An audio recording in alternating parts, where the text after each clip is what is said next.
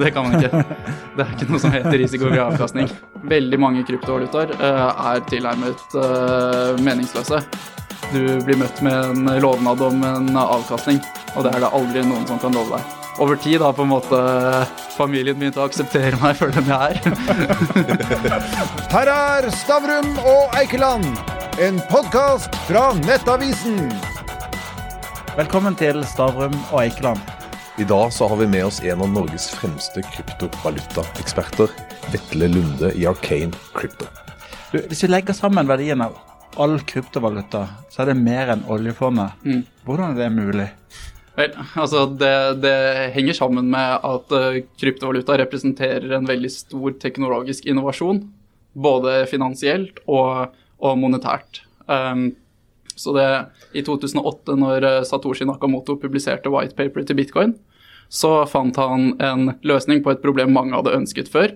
Som var det å knytte til det å flytte verdier digitalt uten å gå via et sentralt mellomledd. Nå må vi begynne helt på bunnen, beklager dette. Men du, mm. du refererer til dette, dette paperet. For vi, vi, vi, vet jo egentlig ikke hvem som fant opp bitcoin. Den mannen er jo aldri blitt kjent. Men mm. hva består oppfinnelsen av, egentlig? Vel, altså det er Da da, vi fort, eh, da, går vi fort inn på teknisk uh, terreng. Men i, i, veldig enkle termer, da, så består essensen i teknologien her seg om en kjede av transaksjoner som eh, maskiner vedlikeholder at eh, holder seg trygg og sikker. Um, og gjennom denne kjeden, hvor maskinene verifiserer, så kan brukere på tvers av uh, landegrenser sende penger seg imellom. Um, bak, bak, denne kjeden så er disse maskinene, eller de som velger å benytte maskiner for å regne på kjeden, insentivert til å gjøre dette gjennom et inflasjonssystem som er avtagende over tid. Da, da, må vi rett inn i det med en gang. Vi har hørt om mining av mm. bitcoin, og det koster sinnssykt mye penger og bruker masse energi. Mm. Eh, og vi har miningfabrikker i Norge også. Mm. Vi har ganske mye miningfabrikker i Norge. Vi representerer om, om lag 1-2 av uh, minerne globalt. Uh, og det er ganske naturlig, i og med at vi har uh, så rik tilgang på vannkraft. så her i Norge foregår det mye bitcoin-mining, ja. Men 1-2 eh, av totale mining eh, av bitcoin i året, altså hvor mye er det akkurat nå, altså i verdi? Det tilsvarer vel om lag 200-300 millioner dollar. Ok, så, så, det er milliardindustri? Ja, ja. Og, og hvem er det som, som eier disse miningene nå i, i Norge? Er det, er det privatpersoner? Er det store selskaper? Altså, hvem står bak? Blant annet så selskapet jeg, jeg jobber for, har, oh, ja. uh, har uh, miningfasiliteter i Norge. I tillegg så er det andre norske privateide selskaper og noen utenlandske aktører. Men går det konk nå med de strømprisene? Nei da, vi, vi klarer å holde driften selv på tross av strømprisene. Ok, men da, vi, vi, må dra det litt ned på sånn lekmannsnivå. For det er klart at ok, vi, en, vi hadde en pengefabrikk på, på, Kongsberg. Alle kan på en måte trykke pengesedler, men du mm. må trykke det på en så spesiell måte så ikke det blir forfalska. Vi kan si at litt av det samme handler bitcoin-mining om. Mm. Det, bare det koster utrolig mye mer å lage disse pengesedlene. Ja, altså det koster ikke mer enn man tjener, for da ville ingen benyttet uh, brukt penger på å produsere det. Men uh, det minerne veldig enkelt forklart gjør, er at de sitter og regner om kapp på en gåte som progressivt blir vanskeligere og vanskeligere. Og den gåten er satt til å skulle bli justere seg etter hvor mange maskiner som regner på nettverket. Og det er for å opprettholde at det tar om lag ti minutter mellom hver gang den gåten løses og en miner belønnes. Men, men, men øh, vil det finnes en sånn stopp på dette? Så, altså, når det er så og så mange bitcoins, så er det slutt? Eller, eller er det evigvarende, dette? Miningen vil være evigvarende, øh, men øh, antall bitcoin de får for å mine, er avtagende over tid. Så Riktig. hvert tiende minutt i dag så kommer det 6,25 bitcoins, og om lag tre år så vil det halveres. Og dette fortsetter inntil 2140. Deretter vil minerne kun kunne tjene penger gjennom transaksjonsgebyrer. Ok, Det blir liksom gullgravere som kommer sist på feltet. Det blir vanskeligere og vanskeligere. Men nå, nå har vi da lagd disse gullmyntene. Ja. Men himmel og hav, det er jo helt verdiløse koder. Hvorfor er folk villige til å betale for det? Altså, det er jo på ingen måte verdiløst. Du, du, vi har det aspektet, aspektet, jeg snakket om tidligere, som gjør at bitcoin kan minne om kontanter på steroider, hvor du kan sende det hvor du vil i verden uten at noen kan stoppe deg, som i seg selv er veldig kraftfullt. Pluss at du har dette knapphetsprinsippet som jeg så vidt beveget meg inn på på miningen i stad, hvor uh, minere finner stadig færre bitcoin, som betyr at supply er avtagende. Det er i dag produsert 19 millioner bitcoin, og det vil kun eksistere 21 millioner bitcoin. Eh, og dette gjør bitcoin til et absolutt knapt gode. Så for å ta den gullanalogien din, da, så vet vi ikke om vi finner mer gull i framtiden. Og hvis gullprisen stiger, så vil man grave etter mer gull, og så vil på en måte inflasjonen justere, justere om eh, Altså tilbudet vil møte etterspørsel igjen, da. Men, men, men du, du, sier at det er ukontrollerbart. Altså det er fritt eh, frem, egentlig. Mm. Men er ikke det også det store problemet med med bitcoin. Også, altså, De internasjonale finansmarkedene, hvis ikke du har uh, sentralbanker og, og sånt som kontrollerer uh, at, all, at, man holder seg innenfor lover og regler og sånt, noe, så hadde det ikke funka. Da blir det anarki, og da blir det bare kaos. Uh, er ikke det som er store problemet? Tja, altså, om det hadde blitt anarki og kaos, er på en måte ikke definert sannhet. Um, men i, i, tillegg så har man ved at det er helt fritt og usensurerbart, så vil det kunne føre til at uh, kriminelle impulser benytter uh, kryptovaluta til å gjøre, gjøre salg av sine tjenester. Uh, men i tillegg så vil man også kunne spørre seg selv da, hva, hva er en kriminell? en kriminell i Norge er ganske lett definerbart. altså vi, vi lever i et ganske trygt og stabilt klima. Um, en kriminell i Russland er Navalnyj Navalny uh, og hans opposisjonsparti, som er fryst ut av det finansielle systemet. Hans opposisjonsparti mottar donasjoner i bitcoin. Samme ser vi i Nigeria, og samme ser vi i Hviterussland. Og bitcoins store gjennombrudd var da Wikileaks ble fryst ut av pengesystemet i 2010 og begynte å motta bitcoin-donasjoner.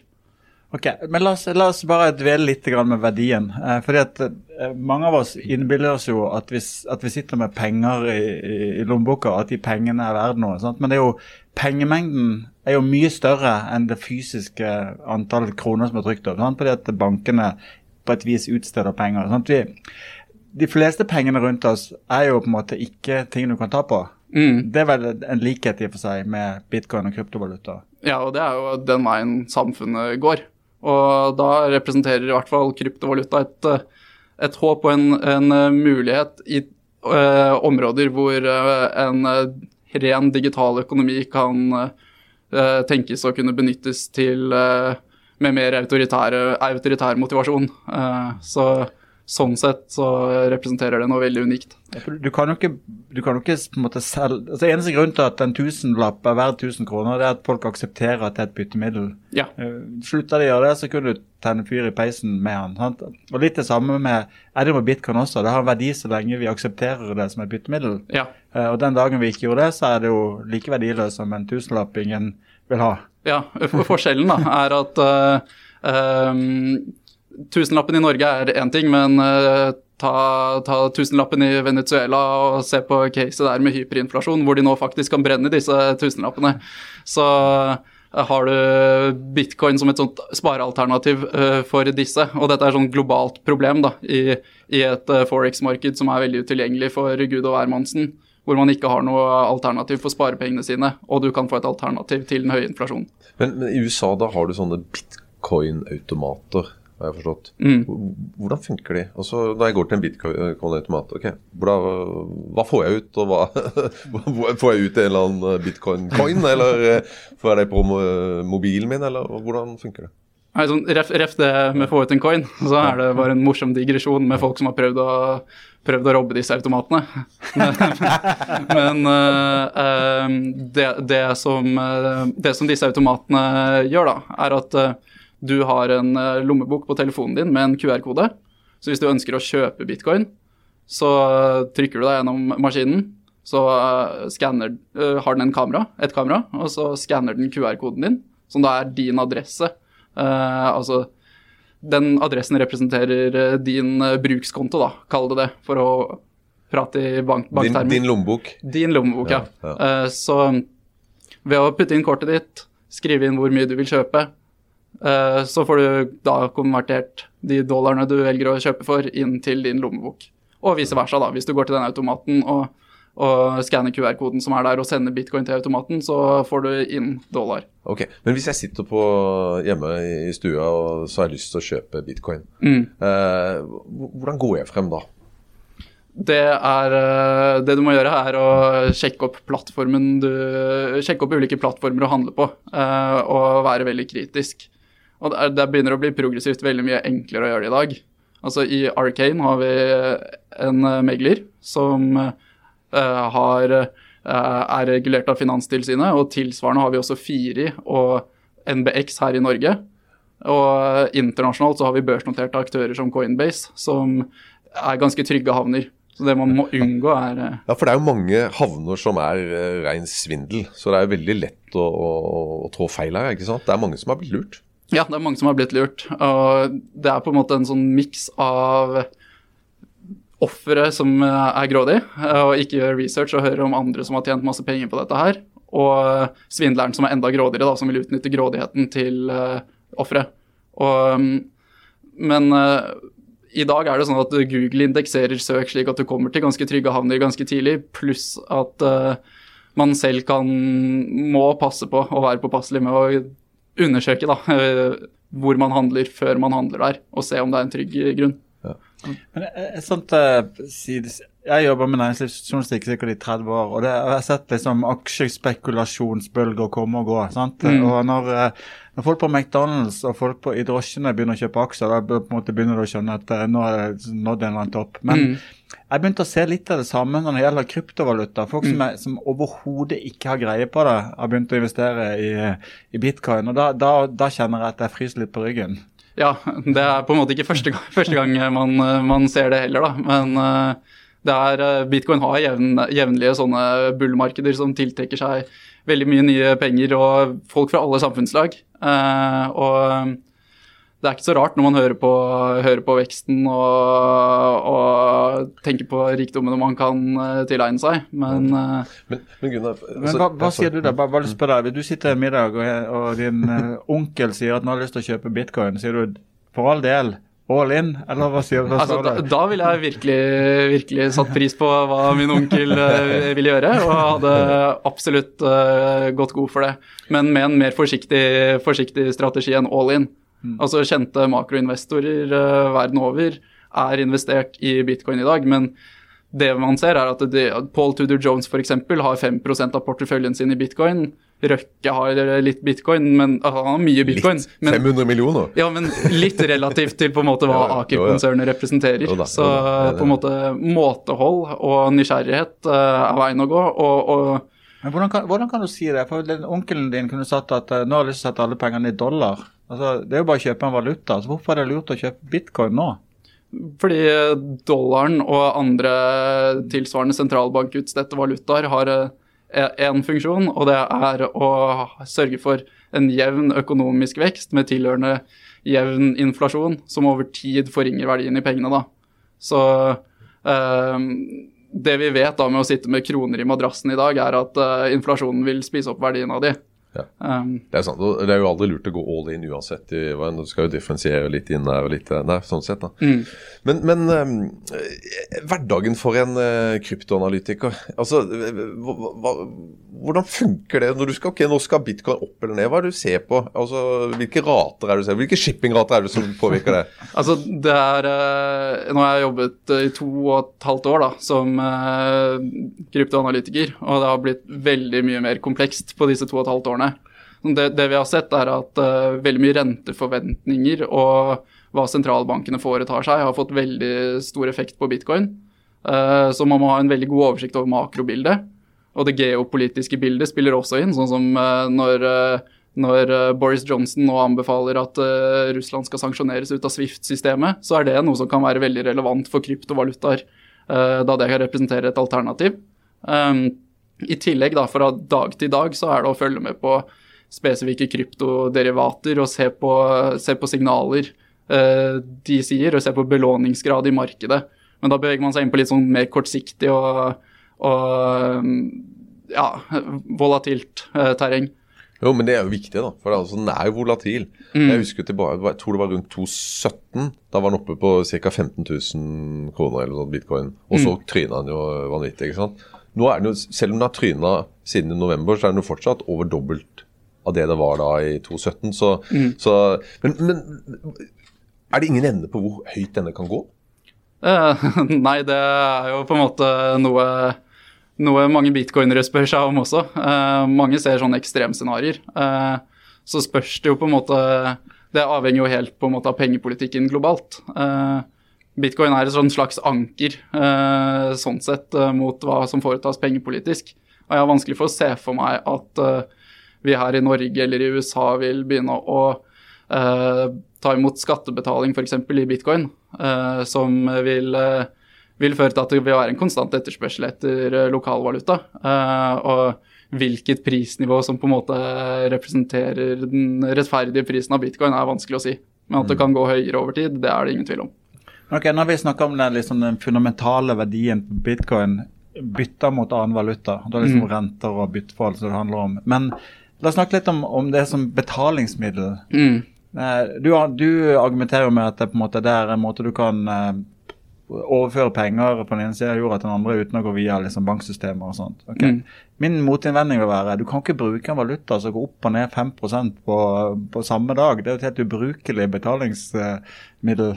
Ja, så Det kan være et dårlig betalingsmiddel pga. volatiliteten, men det kan fortsatt være et uh, bra uh, middel for å overføre verdier, store så vel som små. Uh, det er også frustrerende i bankvesenet i dag at en transaksjon utenlands kan stoppe gjennom korrespondentbanksystemet og bruke uker før man når sin motpart, eller at migrantoverføringer gjennom Western Union koster 6,5% i gebyrer å gjennomføre. Det er, også, det er, også, problematisk. Men det er jo problematisk. Altså Hvis du kjøp, eh, skal kjøpe en vare i uh, USA, så, mm. så, liksom, så, fluktuerer jo dollaren mot krona liksom under liksom, bare noen titalls prosent liksom, er det som er risikoen. Hvis mm. du gjør det samme i, i, bitcoin, så risikerer du å få 5 forskjell. Det er jo et problem. Ja, man risikerer det, men uh, bitcoin behøver ikke nødvendigvis å bli brukt i uh, kjøp av varer og tjenester for at bitcoin skal være, en, skal være vellykket. Men, men også for, for, for at uh, over tid, det langsiktige med bitcoin, hadde det ikke vært uh, gunstig at man klarte å få i hvert fall litt struktur på, på, på sikkerheten, slik at uh, hvitvasking og den type ting blir rett og slett veldig vanskelig med, med bruk av, av, bitcoin? Er ikke det altså for at den skal overleve? Jo, men det ser man allerede veldig tydelig i dag. Altså, de største aktørene, børsene, deler eh, informasjon med, med skattevesen og politi verden over. Og det finnes veldig avanserte blokkjedeanalyseverktøy som identifiserer kriminelle aktiviteter. Um, og der skjer, bare, der skjer utviklingen i en rivende fart. Og i USA begynner det å bli et ganske, jobbes mot et ganske klart regulatorisk rammeverk, mens man i Europa henger litt etter. Men hvitevaskingslover de etterfølges. Så kriminelle de bruker ikke lenger bitcoin i så stor grad? Nå er det andre type Dogcoin eller Ja, det er vel gjerne, gjerne Monero. Monero. Ja, det er jo den uh, Det er en kjent valuta i norsk, norsk sammenheng. Hvis du, det er tilknyttet denne drapssaken ja. på, ja. på, på Lillestrøm. Ja, ja.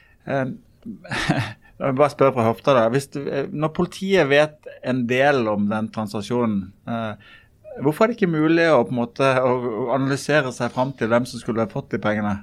Um, fra, um, vi kan ta den transaksjonen som politiet har mulighet til å spore, da. Uh, Bitcoin-transaksjonen. Mm. Uh, slik jeg har forstått det, så har uh, politiet klart å spore transaksjonen tilbake igjen til en kinesisk børs som heter Huobi. Og eh, nå syns jeg bare er. Eh, men eh, det var jo for et par måneder siden så ble det delt en sånn identitet til en person som hadde fått den identiteten sin stjålet på det mørke nettet. Stemmer det. Så antageligvis så har denne bitcoin Denne personen politiet kommuniserte med, kjøpt bitcoin gjennom en stjålet identitet på denne kinesiske børsen. Så derfra er det vanskelig, da. men, men, eh, som sagt, det er ikke bare bitcoin. Det er mange forskjellige uh, ulike kryptovaluta.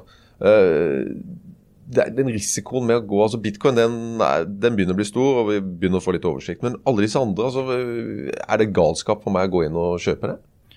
Uh, hvis du ikke er, tar deg tid til å lese deg opp på hva de representerer, så er det galskap. Uh, i stor grad rundt veldig mye forskjellige kryptovalutaer, vil jeg si. Eh, veldig mange kryptovalutaer er tilnærmet meningsløse, mens noen har mye for seg.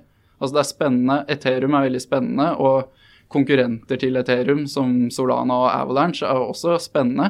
Og det som er spennende med de, er at der hvor bitcoin er veldig robust og prioriterer sikkerhet og det å være et fundament og ha monetæriske egenskaper, så er de Ethereum og Solana litt mer eksperimenterende og lar utviklere kunne bygge applikasjoner oppå det igjen. da. Og det disse applikasjonene gjør, som er veldig spennende, er at eh, de erstatter tjenester som man kjenner fra, fra bankvesenet i dag, f.eks. Hvor man kan gi lån, ta utlån eller handle seg imellom gjennom å bruke helt desentraliserte apper. Så mellommannen er der også fjernet fra, fra bildet. Okay, men det kan man ikke med bitcoin i dag? Nei.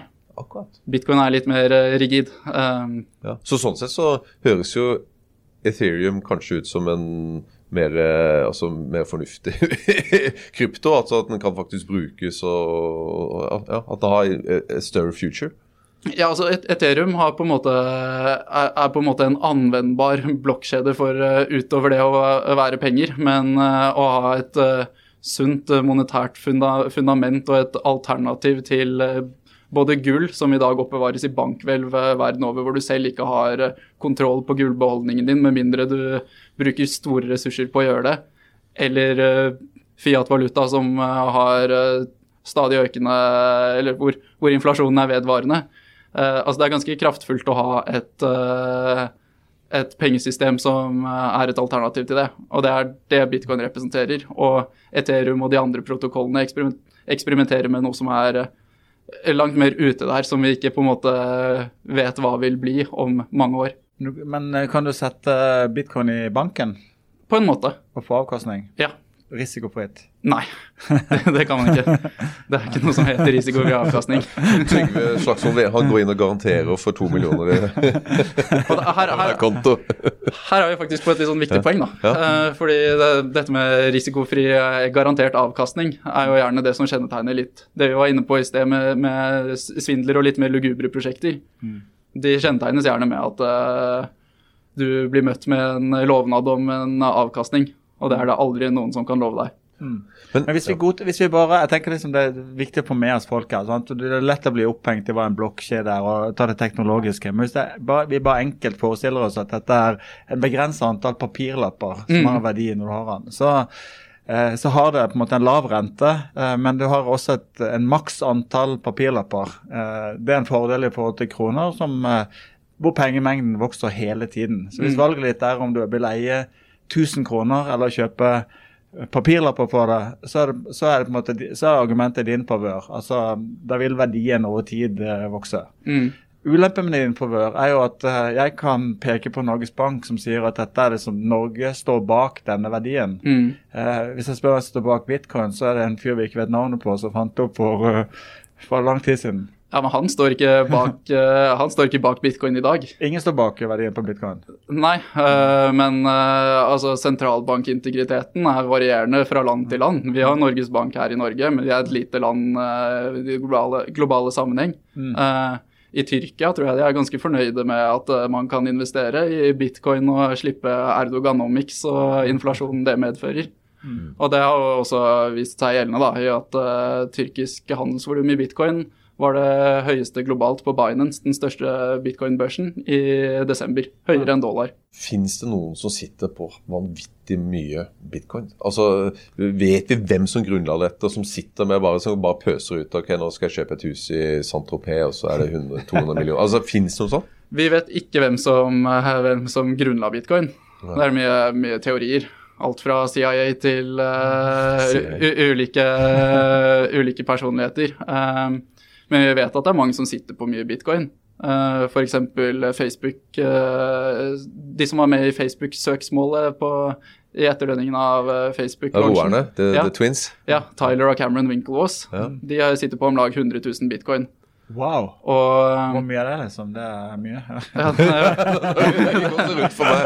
mye, mye penger. Og så har du jo børsnoterte aktører som MicroStrategy, som vi vet at sitter på 125 000 bitcoins. De offentliggjør det og pressemelder det når de kjøper. De er notert i Canada eller noe sånt? Ikke? De er notert i USA. USA, ja. okay. ja, riktig, ja. riktig. Men er det noen av sånne grunner altså er, det, er det mange bitcoins som ikke man, eh, man kjenner fordi at man rota de bort i starten? Altså er det, ja, vet vi, Har vi noe, eh, noe, tall på det? Det er anslag på et sted mellom to og fire millioner uh, bitcoins.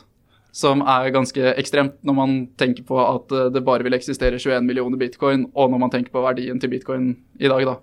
Det er, jo, det er, jo, helt utrolig kult å lese om disse folkene som har svære bitcoin-kontoer, men som har glemt eh, passordet til kontoen. altså det, det er um, veldig mye personlige tragedier der ute. Uh, men uh, det har skjedd veldig mye på brukervennligheten siden den tid. Uh, har til gode å høre om noen sånne historier uh, fra de siste fire-fem årene, men uh, historiene før er mange. Men, men hvilken nordmann eller person eller dame, kvinne så, som, og menn som eier mest krypto i dag? Vet du det? Er det noen sånn, det, har vi noen milliardærer i krypto i Norge? Om vi har milliardærer er vanskelig, vanskelig å si. Mm. Det er jo et par nordmenn som har ganske stor bitcoin-beholdning.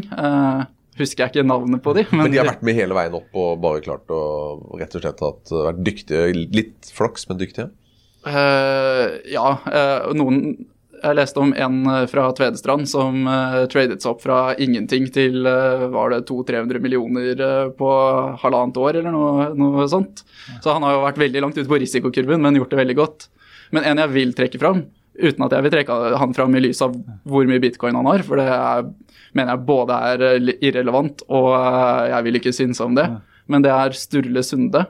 Eh, han er den bitcoin-veksleren globalt som har holdt det gående lengst gjennom Bitmint.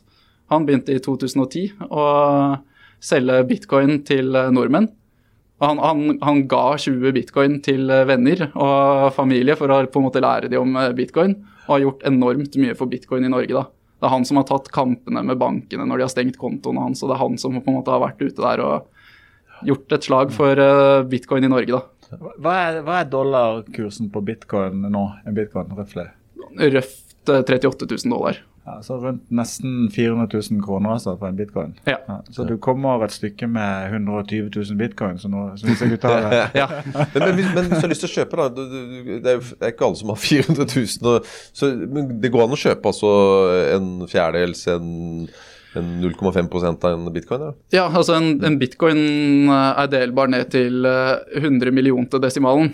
Så det vil si at du kan eie 0,8 nuller 1 bitcoin. Mm. Som er eh, Jeg tror én dollar er rundt 2000 satoshi, som den minste målenheten i bitcoin kalles. da. Altså 0,00002 bitcoin. Ja. Det er én dollar. Litt om deg, altså du som holder på med dette galskapen. Hva er din bakgrunn? Vel, eh, som dere ser er jeg jo ganske ung. Eh, men eh, jeg har eh, studert på Handelshøyskolen. Siviløkonom eller den, ja. den slags? ja. Mm. og ble, mens jeg studerte, veldig fascinert av bitcoin. Litt fordi at jeg har vært veldig fascinert av makroøkonomi. Mm. Så begynte, begynte i tidlig 2017 å lese og lære om bitcoin, dette fenomenet, mm. og investere. Uh, og brukte ganske mye av studietiden min på å egentlig sette meg mer inn i bitcoin og lese litt sånn alternativ økonomisk teori, uh, deriblant fra den østerrikske skole. Jeg er veldig fascinert av Hayek. Uh, og så kontaktet jeg Arcane da de skulle starte en analyseavdeling, og endte opp den veien der etter at jeg var ferdig. Har du tapt penger eller tjent penger på krypto? Nei, jeg har ikke tapt penger. Det har jeg ikke. Du gikk inn i 2017, så du gikk inn akkurat når det hadde falt? da? Eller? Nei, var, var, var uh, Første kjøpet var litt sånn på en sånn liten lokal topp i ja, april, april 2017. Uh, og så andre kjøpet mitt uh, samme dag hvor Kina forbød bitcoin for uh, sjette gang eller noe sånt. Så jeg har hatt noen dårlige innganger, men det har jo gått bra. Jo, jo. Men du, en ting som jeg syns er litt rart. altså Hvis jeg skal opprette en konto i en norsk sparebank, så må jeg fylle ut utrolig med papirer på at jeg ikke er en ja, terrorist og mm. politisk farlig person. så, så bankvesenet er ekstremt regulert. Mm. Hvorfor godtar uh, Finanstilsynet og sentralbanken at, at, kryptovaluta i det hele tatt finnes? Hvorfor sier de ikke at det er forbudt for norske banker å ha noe med bitcoin å gjøre? Det er vel det demokratiserende prinsippet som er viktig, da. Pluss at man har ganske klare rammeverk for plattformene som lar deg kjøpe kryptovaluta. De må du fylle inn den samme dokumentasjonen som du fyller inn til banken din. Du må fylle ut tilsvarende hvitvaskingsdokumenter til disse aktørene. Så eh, det er eh, på en måte samme strenge krav som stilles for eh, aktørene i bransjen. da. Hvor mange av de tror du fører opp dette på selvangivelsen og betaler formuesskatt på det? Ja, det er, det er, dessverre veldig få. Eh, altså, vi, jo, vi, kjører årlige sånn undersøkelser knyttet til norsk kryptoeierskap. Så i februar i fjor kjørte vi en slik undersøkelse og konkluderte med at 300 000 nordmenn eier kryptovaluta. Som jeg tror er et ganske godt anslag. Mm. Særlig basert på brukertallene til uh, norske aktører i dag. Også tenk på det internasjonale.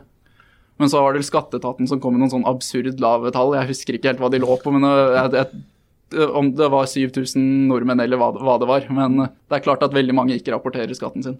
Men nå Nylig så har jeg kjent at uh, Bjørn Dæhlie skal ta med seg formue og flytte til Sveits. Har det ikke vært mye lurere at han har kjøpt bitcoin og solgt helt stille? Nei, men hvis han, hvis han, hvis han flytter til Sveits, så unngår han skatt lovlig. Med bitcoin kan det bite deg i, i rumpa senere, da. Når du, når du, går i familieselskap nå og liksom folk lurer på hva du jobber med, har du vært gjennom mange samtaler om hva i all verden er dette her kryptogreiene? Ja, det, det, møter jeg på stadig vekk. Uh, over tid har på en måte familien begynte å akseptere meg for den jeg er. Men uh, det har egentlig blitt, uh, blitt uh, mer frustrerende når man treffer litt sånn gamle venner og gamle bekjente. For at noen vil høre hvordan det går med, går med dem og fortelle om hva, hva, som skjer i livet, så sporer det veldig fort av til å snakke om krypto. Da, for at de vet at jeg er den knaggen de kan snakke med om det. det gått for Handelshøyskolen til krypto. Altså det er jo et eller annet som har gått galt her. ja, det er jo om det. men, men bare, en av de som må ha tjent mest penger på krypto i Norge, Norge, det må jo være visse kunstnere. Det er vel en Ruud uh, som har tjent på sånn kryptokunst. Mm. Kan du forklare altså, hva er kryptokunst? Ja, hva er kryptokunst? ja, det er... Uh, det er et stort, stort, og vanskelig spørsmål, men kryptokunst er egentlig uh, at du kan verifisere at du eier et kunstverk basert på den underliggende blokkjedeteknologien, som hvor du kan knytte ditt eierskap til eh, dette kunstverket. Og en grunn til at vi har sett den hypen i NFT-markedet, som da er kryptokunstmarkedet, de, de siste halvannet året, eh, skyldes nok det at eh, mennesker har et sånt basalbehov med å kunne flekse og kunne vise velstand. Mm. Og i den virkelige verden i dag så kan du kjøpe deg en fet villa eller en rå sportsbil eller gå med Rolex. og altså, du, kan være, du kan vise det i den virkelige verden, men det er vanskelig å flashe digitalt. Mens NFTs har faktisk blitt, fått en sånn funksjon da, at du kan flashe velstand. Ja. For du, du kan digitalt. sammenligne litt med at uh, det fins én Mona Lisa, mm. uh, men det fins mange kopier. Mm. Og det er jo litt sånn uh, med dette også. Det fins én riktig kode, men du mm. kan jo kopiere den opp, altså, sånt, men det er en kopi, og ja. du vet det. Ja. Ikke sant? Men, og de går jo for Nå jeg leste at det var seks millioner kroner for sånt, en fotballspiller eller et eller annet sånt. Ja, det var, det var Haaland. Det, er, det var Haaland, det. Var Braut. Oi, oi, oi. Det er mye, mye absurde tendenser i det NFT-markedet. Og altså, for å være ærlig, sånn min, min styrke og min interesse innenfor uh, kryptobransjen, som er veldig vid, den dreier seg om eh, bitcoin og makro og finansiell innovasjon. Og så er kunstsektoren på en måte på siden av det. Jeg anerkjenner at det skjer mye spennende der og skjønner at folk eh, ser verdier der, men jeg har på en måte ikke kapasitet til å skulle uttale meg om ting er priset absurd eller den slags. Hvis du må velge, så vil du heller ha en bitcoin i PC-en din enn å ha kryptokunst på veggen? Ja, absolutt. Du fikk Stavrum og Eikeland, en podkast fra Nettavisen.